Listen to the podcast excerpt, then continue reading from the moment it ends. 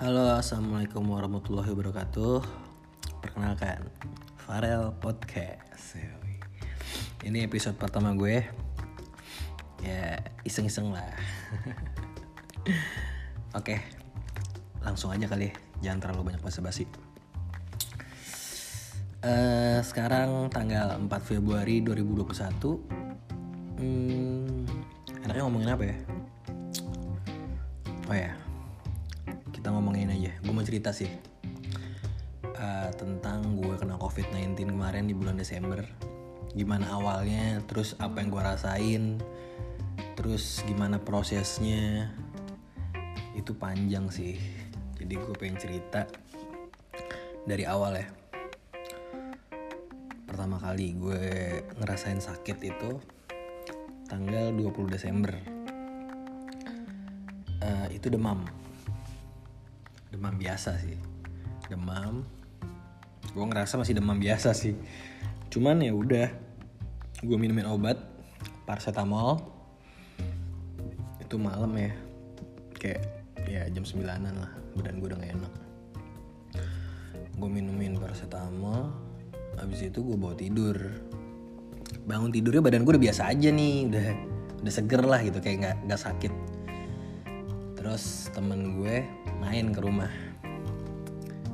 Ya kan? Eh, dia nggak gue sih gue ngajak dia keluar gitu kan. Dia sih maunya di rumah aja cuman gue pengennya keluar. Akhirnya kita keluar.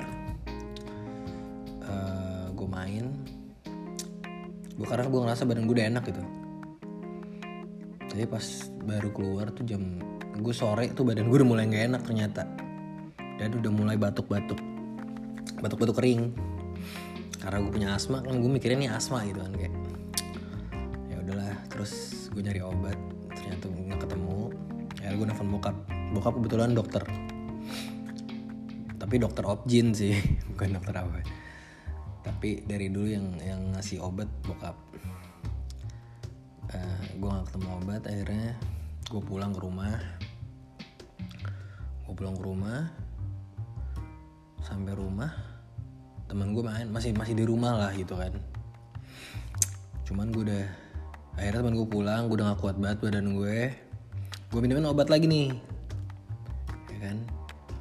Akhirnya gue ganti baju gue pakai baju musim dingin pakai kaos pakai sweater pakai baju musim dingin. Tebel gak tuh terus gue celana training panjang terus gue pakai kaos kaki gue pakai selimut AC gue matiin. Itu masih kedinginan. Terus gue ada termogan termogan kan.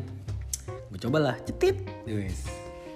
39,8 hampir 40 derajat celcius eh apa sih? Ya pokoknya gitu lah wah tinggi banget nih.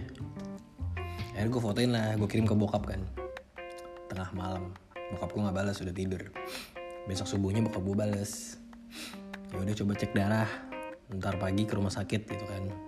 Ke rumah sakit tempat bokap gue kerja dinas. Oke lah terus gue bangun tidur gue ke rumah sakit lah. Temu bokap kan udah lemes banget badan gue tuh. Lemes. Akhirnya gue cek darah disuntik lah segala macam. Tapi badan gue udah lemes banget udah sempoyongan lah. Gue pegangan sama bokap gue di pundak gitu kan. Tapi bokap gue pakai APD pakai masker gitu kan gue ke lab gue tes ya udah selesai tes gue pulang. Gue masuk mobil bokap gue bokap gue antar nyari taksi karena bokap gue masih dinas kan masih kerja. Ya udah gue pulang naik taksi. Kebetulan gue kan tinggal sendiri nih. Kebetulan banget adik gue datang sama suaminya dari Pekanbaru lagi ada di rumah gue. Ya, mau nggak mau nyokap gue juga ke rumah gue dong ya kan? Oke udah akhirnya gue pulang ada nyokap ada adik gue sama suaminya gue langsung masuk kamar. Gue bilang gue lagi sakit jangan ada yang ke kamar gue gitu. Ya udah tapi makan minum selalu dianterin ke kamar ditaruh di dekat apa namanya kasur. Terus udah ya dong buka keluarlah hasil hasil lab nih. Keluar hasil lab eh, itu adalah gejala DBD pertamanya. Ya kan bokap gue bilang gejala DBD nih bokap gue bilang Farel swab deh gitu kan. Takutnya dirawat gitu kan. Ya udah gue swab lah. Akhirnya gue bangun lagi badan gue masih nggak enak sempoyongan. Gue swab lah di Premier Bintaro. Swab sendirian. Tadi nyokap gue mau nganterin. Gue bilang ngapain? Udah sendiri aja bisa kok gitu kan. Terus ya udah gue naik gokar kan. Gue swab antrinya tuh kayak aduh sejaman gitu sejam sejam lebih lah. Banyak banyak banget kan yang yang swab. Terus ya udah gue badan gue udah enak banget tuh. Uh, akhirnya udah selesai lah swab. Selesai gue balik ke rumah. Gue istirahatin lah badan gue gitu. Udah akhirnya lanjut lah besok. Itu kan swabnya 24 jam kan gue hasilnya. Besok paginya adalah gue keluar hasil gue gue buka email. Pagi-pagi jam 7 jam 8an lah nggak salah gue buka email gue positif. Kaget gue karena kayak gue nggak nyangka ini demam demam nih masa covid sih gitu kan kayak sebelumnya gue tuh kayak percaya nggak percaya sih sama covid. Karena kayak pertama kali ada covid gue takut banget. Ke sini sininya ada orang ngomong konspirasi lah inilah. Mulailah gue ke brainwash kayak iya kali ya konspirasi kali ya atau inilah itulah gitu kan. Pas gue sakit masa sih ini gue covid? gitu kan nggak percaya gitu loh karena demam gitu kan. Gue bilang ke bokap gue gue positif. Bokap gue langsung sigap. Ya udah tunggu. Bokap gue kaget lah positif gitu kan. Kayak ya udah kadarullah sih. Terus kayak uh, bokap gue kaget positif. Ya udah ntar papa telepon gitu kan. Ternyata bokap gue ngurus rumah sakit. Pada saat itu rumah sakit lagi lagi on the way penuh lah. Karena uh, lagi meningkat tuh covid pada Desember akhir kan.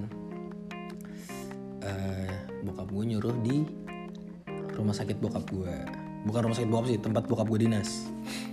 Gitu. Uh, bokap gue telepon Farel ke sini gitu kan ke rumah sakit ini.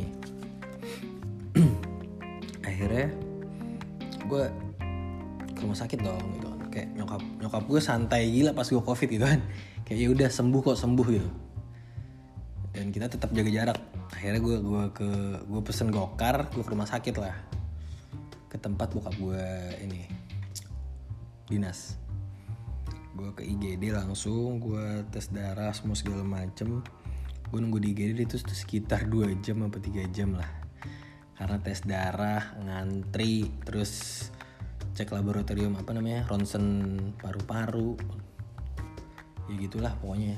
Gue juga nggak paham setelah dua jam gue nunggu gue dipindahin lah ke ruangan.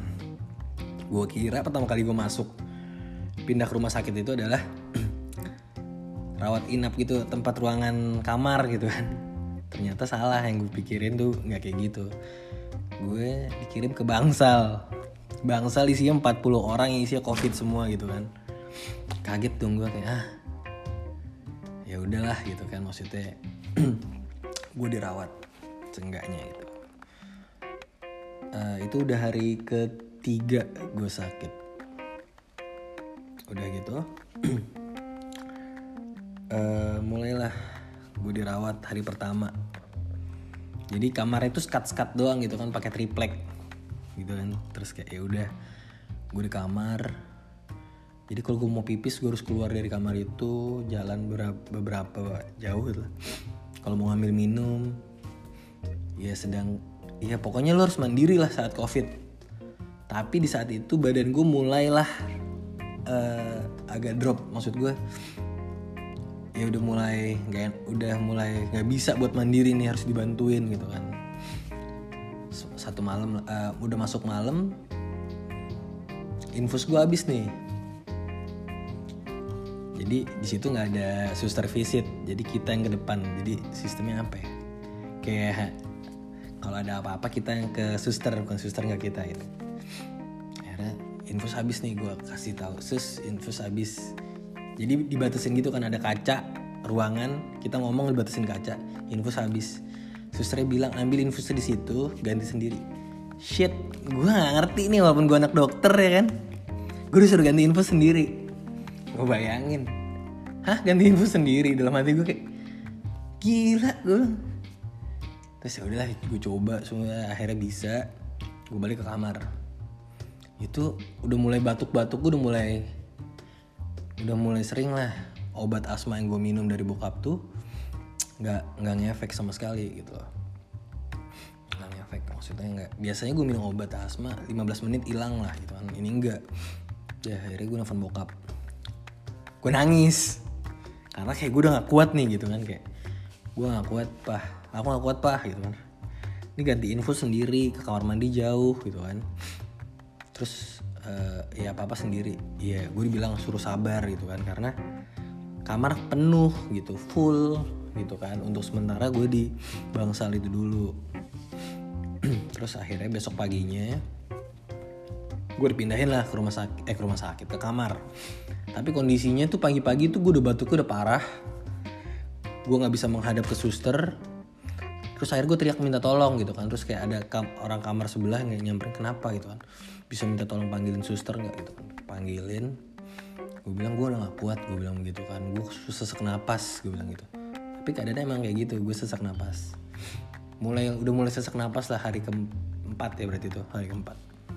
Udah mulai ada seseknya gitu oke habis itu pagi ternyata gue emang pindah ke kamar kan gue pindah ke kamar. Gue masuklah ke rumah sakit itu ke kamar. Itu satu kamar berempat gitu kan. Ya kurang nyaman lah gue pribadi gitu kan.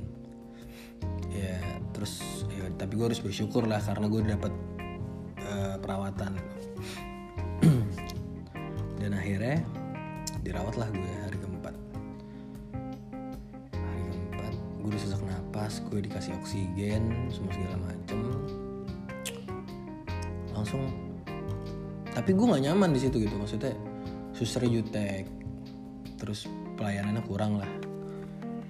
Terus ya udah akhirnya malam. Jadi susternya itu cuma sampai jam 9 malam. Dari jam 9 malam sampai jam 6 pagi apa jam 5 pagi gitu dia mereka nggak nggak ada visit ke kamar jadi mereka cuma mantau lewat CCTV gitu kan. Jam satu pagi gue sesek nafasnya minta ampun. Dan itu nggak ada pencetan buat manggil suster atau apa. Jadi mereka cuma ngasih nomor WhatsApp. Kalau ada apa-apa di WhatsApp aja gitu kan.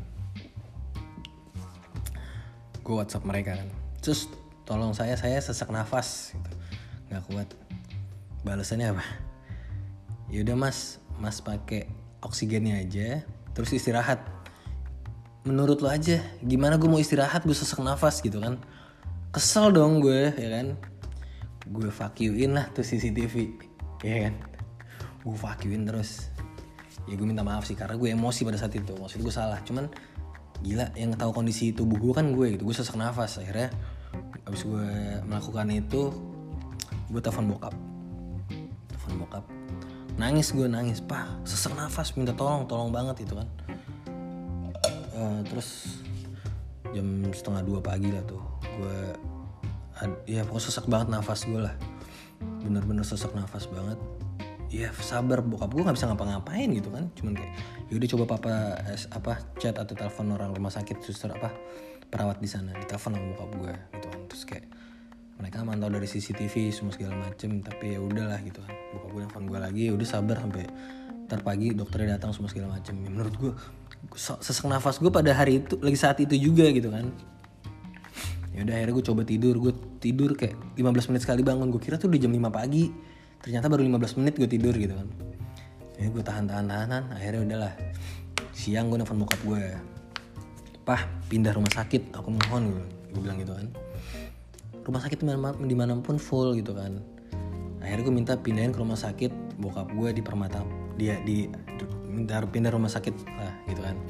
Terus ya udah coba deh papa gitu. Gue tadi minta pindah ke RSCM ya kan? Bokap gue bilang full gitu. Ya udah gue minta pindahin ke rumah sakit bokap. Dipindahin lah ke rumah sakit bokap. Tapi besoknya gitu kan. Hari kelima. Hmm habis itu sama habisnya malamnya lagi gue sesak nafas lagi gue udah nggak bisa ngapa-ngapain gue telepon bokap nggak kuat nggak kuat. Jadi serangan sesak nafas gitu tengah malam mulu. Gue panik semua segala macam gitu kan.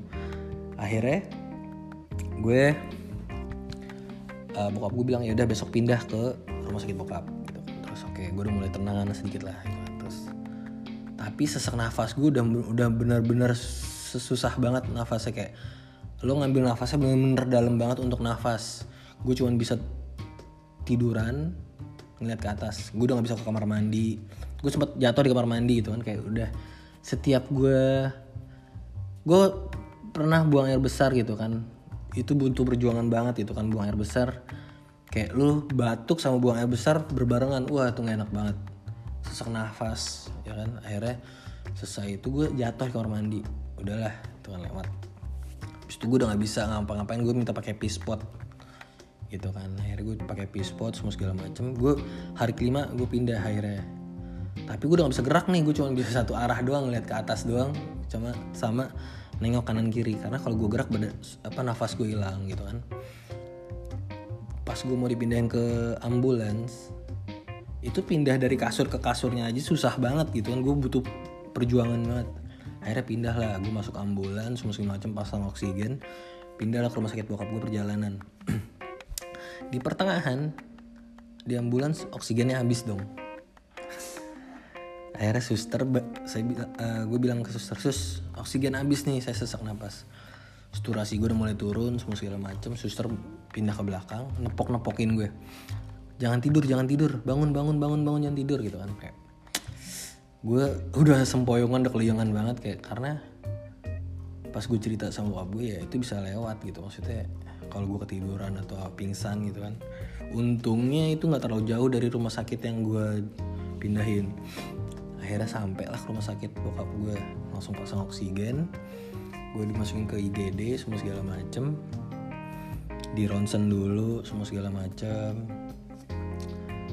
Uh, akhirnya gue dipindahin ke kamar. Tapi pada saat itu gue udah nggak bisa gerak ya kan kayak gue udah kesakitan udah sesak nafas gitu kan. Terus akhirnya perjalanan satu malam. Satu malam tuh gue malam tid gue tidur terus kebangun kayak gue ngeliat di sekeliling gue rame banget. Gue nggak tahu itu halu gue nggak tahu itu mimpi gitu ya. Ya gue ngerasain itu rame banget yang ngelilingin gue terus kayak wah ini udah paginya gue bilang suster sus. Itu di kamar gue sendiri kan dapat kamar sendiri. Gue bilang suster sus. Semalam di sini rame banget gitu kan. Gue nggak tahu itu spooky apa gimana gitu kan ya udahlah ternyata siangnya eh pagi jam 9 jam 10-an atau jam 11-an gue lupa.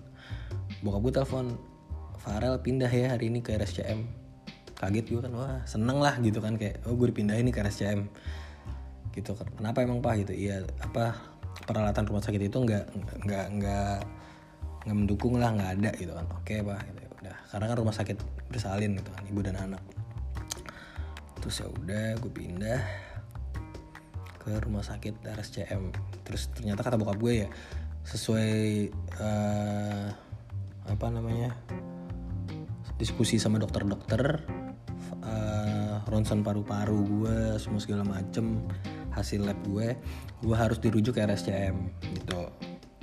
Oke lah gue pindah. Gue dikirim lagi ke RSCM dilempar gue udah gak bisa ngapa-ngapain gue cuma pasrah aja gue udah cuma bisa tiduran gitu kan. Terus nyampe RSCM itu sekitar jam berapa ya gue nggak tahu gue sadar nggak bisa ngeliat jam lah. Uh, eh, gue keluar ambulan sudah ada nyokap gue adik gue sama suaminya. Kayak mereka kayak semangat ya udah gitu kan kayak ih gue sedih banget pas itu kan kayak nyesek banget terus kayak tapi kalau gue nyes nangis gue bakal sesak nafas cuman gue sedih sedih banget gitu kan kayak uh, pertama kali yang gue pikir adalah mereka pas pertama kali gue masuk rumah sakit adalah mereka kan positif covid juga apa enggak? Takut ketularan sama gue kan? Alhamdulillah mereka negatif. Terus ya udah terus mereka semangatin kayak semangat ya udah gitu kan kayak semangat ya Farel gitu kan. Nyokap gue bilang gitu eh gue sedih banget. Terus gue masukin gue masukin lift gue akhirnya terus masuk ke kamar HCU dan itu yang kayak gue kaget kan kamarnya kok beda sama kamar-kamar yang biasa gue masukin rumah sakit kemarin gitu kan. Ini peralatan semua gitu kan. Terus badan gue dipasang monitor uh, gue dipasang oksigen semua segala macam gitu kan. Kayak ruangan yang spooky banget menurut gue kayak oh ya udah gitu kan. Lemas banget gue udah nggak bisa ngapa-ngapain gitu kan. Terus ya udah gue kontek-kontekan sama nyokap gitu kan. Kayak ya udah udah udah di kamar gitu kan semua segala macam kontekan sama bokap semua segala macam udah udah pindah. Terus ya udah hari itu ternyata gue harus dapet donor plasma. Gitu kan. Itu gue tahu dari statusnya storynya suami adik gue. Ternyata gue butuh donor plasma. Adik gue juga update cuman dia nge-hide gue. Cuman gue tahu dari storynya suami adik gue. Dan akhirnya gue capture gue share lah ke story Instagram gue gitu. Ya kayak maksud gue minta tolong lah. Gue karena gue nggak nyangka karena itu separah itu gue gitu kan. Akhirnya di share gue share. Banyak yang ngubungin bokap gue untuk masalah plasma alhamdulillah gitu ya. Gue senang sih teman gue alhamdulillah baik-baik banget. Support gue gitu pada saat itu. Banyak yang ngirim ucapan perhatian semua segala macem. Cuma gue udah nggak bisa ngapa-ngapain lagi gitu kan udahlah gue butuh butuh donor plasma gue udah nggak bisa ngapa-ngapain. Udah tuh habis habis maghrib gue dapet donor plasma apa habis maghrib apa habis isya gitu gue lupa. Udah tuh pertama kali gue masuk donor plasma badan gue gatal-gatal banget gue udah wah nggak bisa ngapa-ngapain deh. Udahlah singkat cerita lah ya langsung aja ke intinya.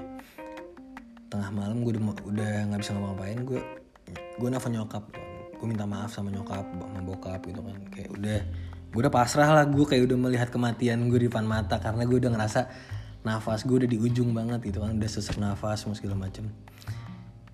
Terus ya udah akhirnya nyokap gue ngajiin gue. Ngajiin gue udah di ngajiin lah istilahnya di kuping handphone gue taruh kuping. Ya gue berdoa maksudnya semoga Allah kasih gue kesempatan buat bertaubat buat kasih kehidupan kedua lah kesempatan kedua gitu. Gue nggak tahu nih saat gue tertidur gue akan bangun apa enggak gitu. Gitu kan? Gue tertidur lah gitu. Alhamdulillah gue bangun subuh nih jam kayak jam lima apa setengah enam ya. Gue bangun. Ya gue bersyukur gitu gue masih bangun gitu. Tapi alhamdulillah badan gue enakan setelah dapat donor plasma beda nafas gue agak sedikit bisa bernafas daripada yang sebelumnya gitu. Kalau yang sebelum gue harus tarik nafas agak dalam. Kalau sekarang kayak ya udah mulai bisa tarik nafas lah. Terus udah lah. Berjalannya waktu. Lima hari lah gue di HCU itu udah selesai semua. Maksudnya gue bisa dipindahin ke kamar biasa. Lalu gue pindah lah ke kamar biasa gitu gue pindah kamar. Biasa ya satu kamar berempat juga di gitu. Ya terus gue di kamar biasa ya udah gitu. Maksudnya gue jalanin aja hari-hari gue lama gue di rumah sakit tuh dari tanggal 23 Desember sampai tanggal 13 Januari. Itu kayak 20 harian lebih lah. 22 hari atau 21 hari 23 hari lupa gue. Akhirnya gue keluar tapi dengan catatan gue masih positif tapi city value gue udah 35,8 kalau di luar itu udah negatif cuman di RSCM masih positif. Karena di RSCM itu minimal city value 40 ya kan? Akhirnya gue keluar disuruh isoman selama 14 hari. Gitu kan akhirnya udahlah. Gue pulang seneng banget gue pulang. Karena gue tiga kali empat kali swab masih positif positif positif. Gue kayak udah stres juga lah di situ kan kayak nggak bisa ngapa-ngapain cuman bisa lu megang handphone nggak ada TV nggak ada hiburan nggak ada apa-apa terus ya udah. Dan efek samping gue covid adalah satu kaki gue mengecil karena 17 hari gue terpapar di kasur nggak bisa jalan. Nggak di kasur doang otot kaki gue tidak nggak kepake kan jadi kayak mengecil jadi gue harus belajar jalan untuk menyempurnakan jalan lagi gitu. Terus pernafasan gue baru jalan sedikit udah ngap uh, gampang capek sih. Tapi pas gue pulang alhamdulillah hari pertama hari kedua hari ketiga tuh badan gue sakit banget kayak dipukulin orang-orang. Habis kayak habis digebukin gimana sih badan tuh kayak habis berantem badan sakit-sakit gitu kan. Gue bilang pokok apa badan sakit banget itu. Ada obat apa? Nah, akhirnya bokap gue kirim obat Neurobion atau apalah sama itu, itu terus kayak vitamin itu. Nggak nggak mempan nggak mempan sama sekali. Akhirnya gue ide lah gue minum obat sakit gigi. Itu kata flam sama sanmol gue bilang pak boleh minumnya? Boleh gitu. Terus sebelum sebelum gue minum itu gue gak bisa jalan. Maksudnya jalan gue masih terpapah-papah lah kayak kakek-kakek gitu kan.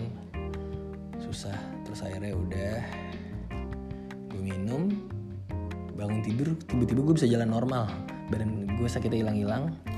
Tinggal pernafasan doang sih sampai sekarang gitu kan. Cuman ya udah alhamdulillah gue berangsur membaik. Singkat cerita seperti itu gitu terus inti dan poinnya adalah gue pengen ngingetin sih kayak uh, ngasih tahu ke semua orang kayak yang dialamin orang-orang tuh covid tuh gejalanya beda-beda.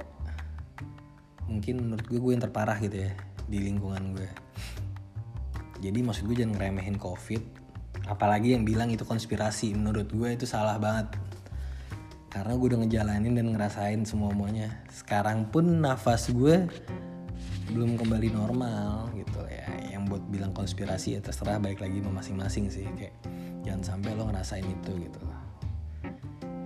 Ya intinya gitu sih. Kayak ya udahlah. Tapi alhamdulillah gue berangsur membaik. Akhirnya gue melakukan hal-hal positif aja di rumah. Kayak gue ngerjain apa ya gitu kan. Terus ya gitu deh.